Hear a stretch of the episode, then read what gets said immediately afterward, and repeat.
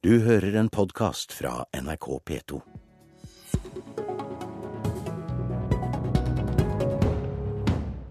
Valgresultatet må bli en vekker. Samarbeidet på borgerlig side fungerer ikke som det skal.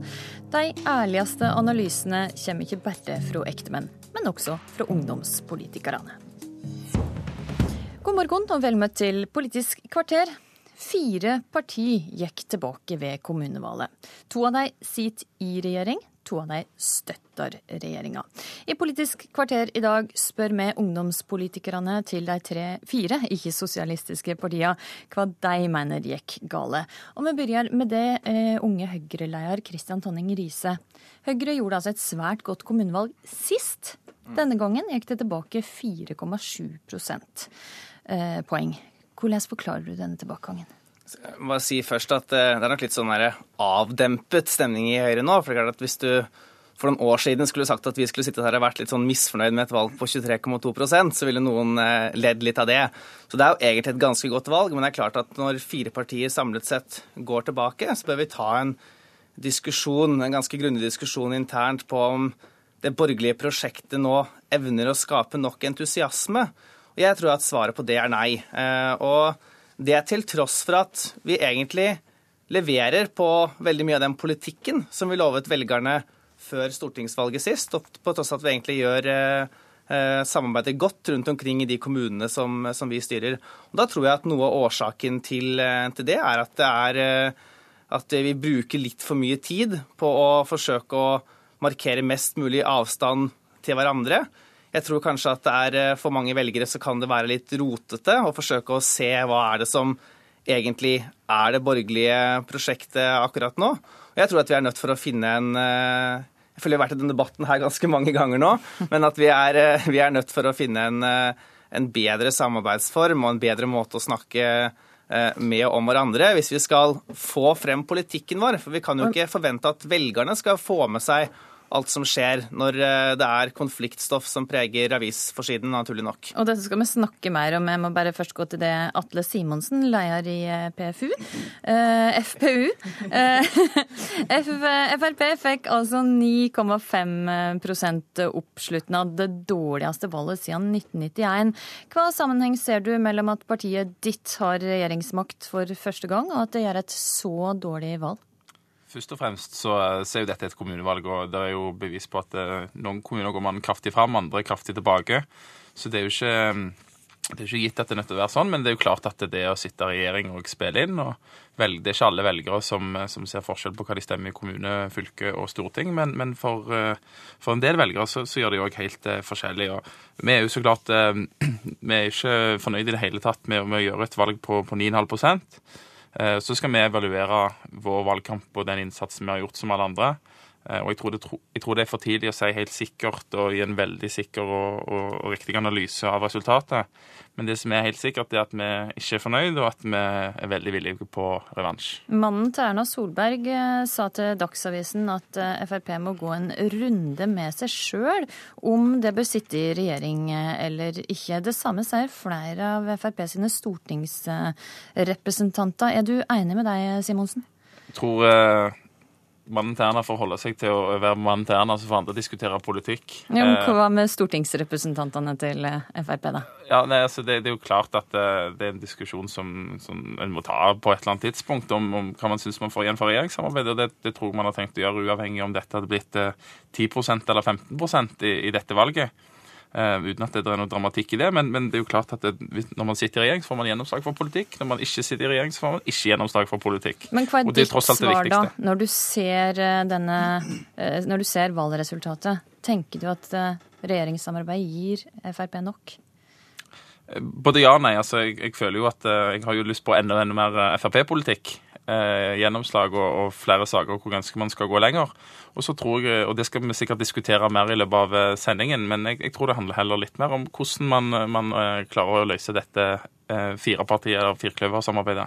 Men du er ikke en av de som tar til orde for at Frp nå bør gå ut av regjeringssamarbeidet? Det er ikke, det er ikke et mål i seg selv i det hele tatt.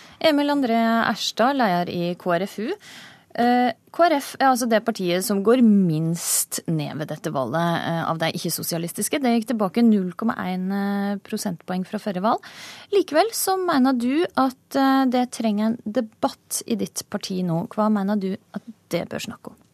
Nei, altså jeg, jeg, mener at vi må snakke om veien videre. Det vi så i denne valgkampen, her, det som kanskje er grunnen til at vi går så lite tilbake, var at vi kjørte veldig hardt på to saker som mobiliserte våre velgere Eh, våre medlemmer og tillitsvalgte og folkevalgte eh, kampen for søndagsfri og kampen for å ta imot flere flyktninger til Norge. Og Dette er to saker der Frp sto i motsatt ende, som gjorde at uh, i valgkampen så var Frp en av våre hovedmotstandere.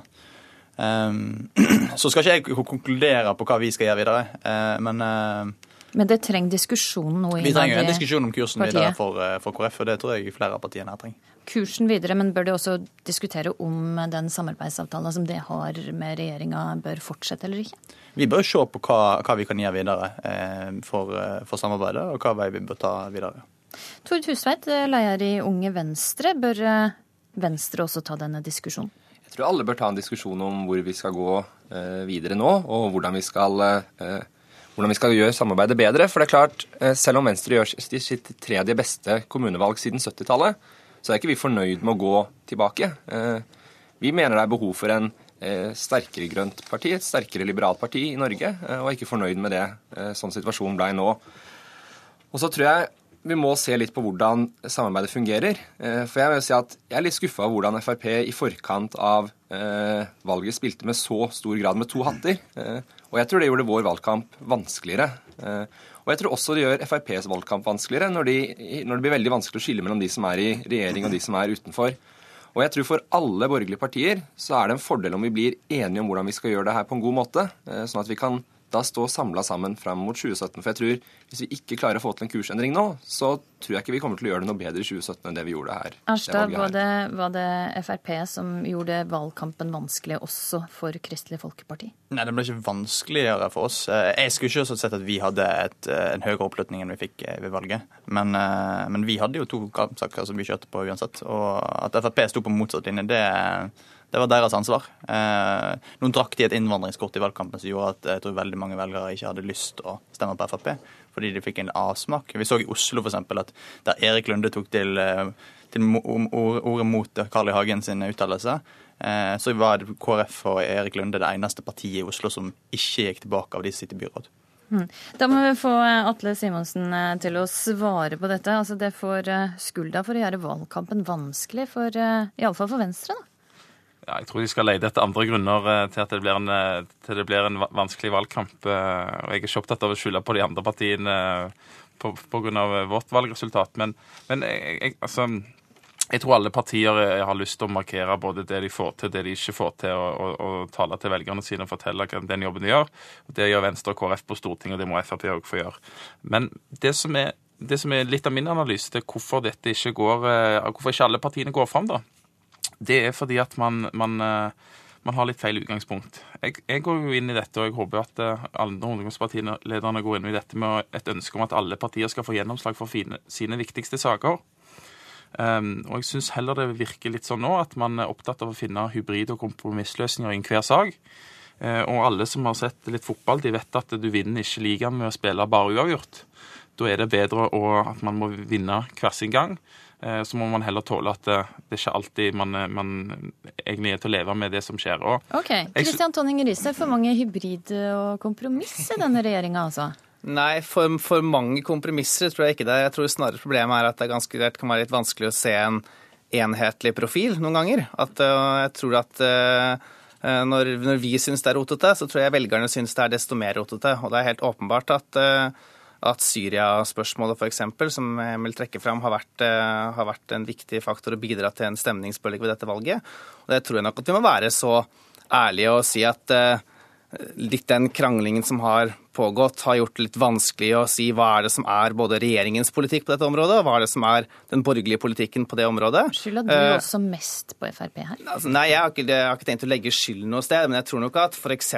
så har det jo vært Det var jo litt, det har vært litt krevende i hvert fall å ha et et inntrykk i valgkampen av at man på ene siden har hatt en, eh, en eh, minister, altså hatt Solveig Horne, som sender ut en bønn til kommunene om å bosette flyktninger. Og så samtidig så kommer det en oppfordring fra eh, Siv Jensen om, om, ikke å bosette. Altså Sånne ting tror jeg vi må ta en diskusjon på om det har vært formålstjenlig. For det tror jeg det har vært gjort litt vanskelig å se hva som er regjeringens politikk. Og ikke minst så har det jo eh, gjort at eh, Solveig Horne har fått lite honnør for den fantastiske jobben hun har gjort nettopp med å bosette flyktninger. For det har jo aldri blitt bosatt så mange som det er nå. Mm. Men det har ikke kommet så veldig tydelig fram når valgkampen har vært kanskje preget mest av hissige diskusjoner eh, både mellom venstresiden, men også mellom, eh, mellom da spesielt kanskje Frp, og KrF og Venstre.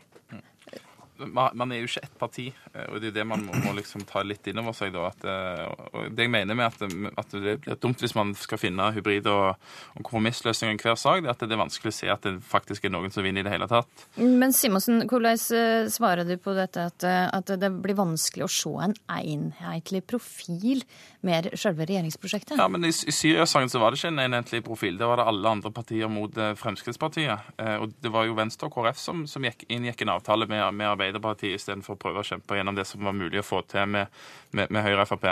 Men bare la meg dra et par eksempler da, på hvor jeg mener man, man gjør feil. Eh, en er for søndags... Ta ett eksempel, du. Ja, Søndagsåpent er én. Venstre har aldri vært en viktig sak for de, men de skal prøve å få siste kroner på verket, som gjør at dette blir en helt uh, annen sak, og, blir noe annet enn det uh, det kunne vært. En enkel tillatelse for søndagsåpne butikker. Fritt skolevalg okay, og privatskoleloven er andre saker. Hvordan får det en enhetlig profil når det er så riv rykende uenige om sakene? Ta det, altså, fordi jeg, er ikke enig i at vi, vi, krangler for å krangle. Det er jo ikke det det går på. Det går på at vi har et, et grunnleggende politisk eh, uenighet. En stor politisk avstand. Sånn som i Syria-spørsmålet så er det jo KrF og Venstre på den ene sida og Frp på den helt andre sida av, av, politikken. Og da er det da er det en utfordring. Det vi ser for KrF sin del, er jo at uh, der vi har gjort det best i denne valgkampen, her, det var kanskje i Bergen. Der er nå den største KrF-kommunen. Uh, og der satte vi oss i en sentrumsposisjon. Uh, ja. det, Samarbeide til begge sider, kan, ikke låse KrF som den borgerlige sida. Ja. Det er jo en litt skummel tendens, Tonning Riise. Altså jeg tenker jo at liksom, Ideen om at fire partier i et samarbeid skulle tjene på å markere mest mulig avstand til hverandre, tror, eh, tror, jeg er feil. Og det er jo litt sånn symptomatisk på starten av denne debatten her, når KrF er de som er mest fornøyd fordi de går minst ned. Jeg tenker jo at Det, det bør jo ikke være målet i neste runde, at liksom man skal være det partiet som går minst ned.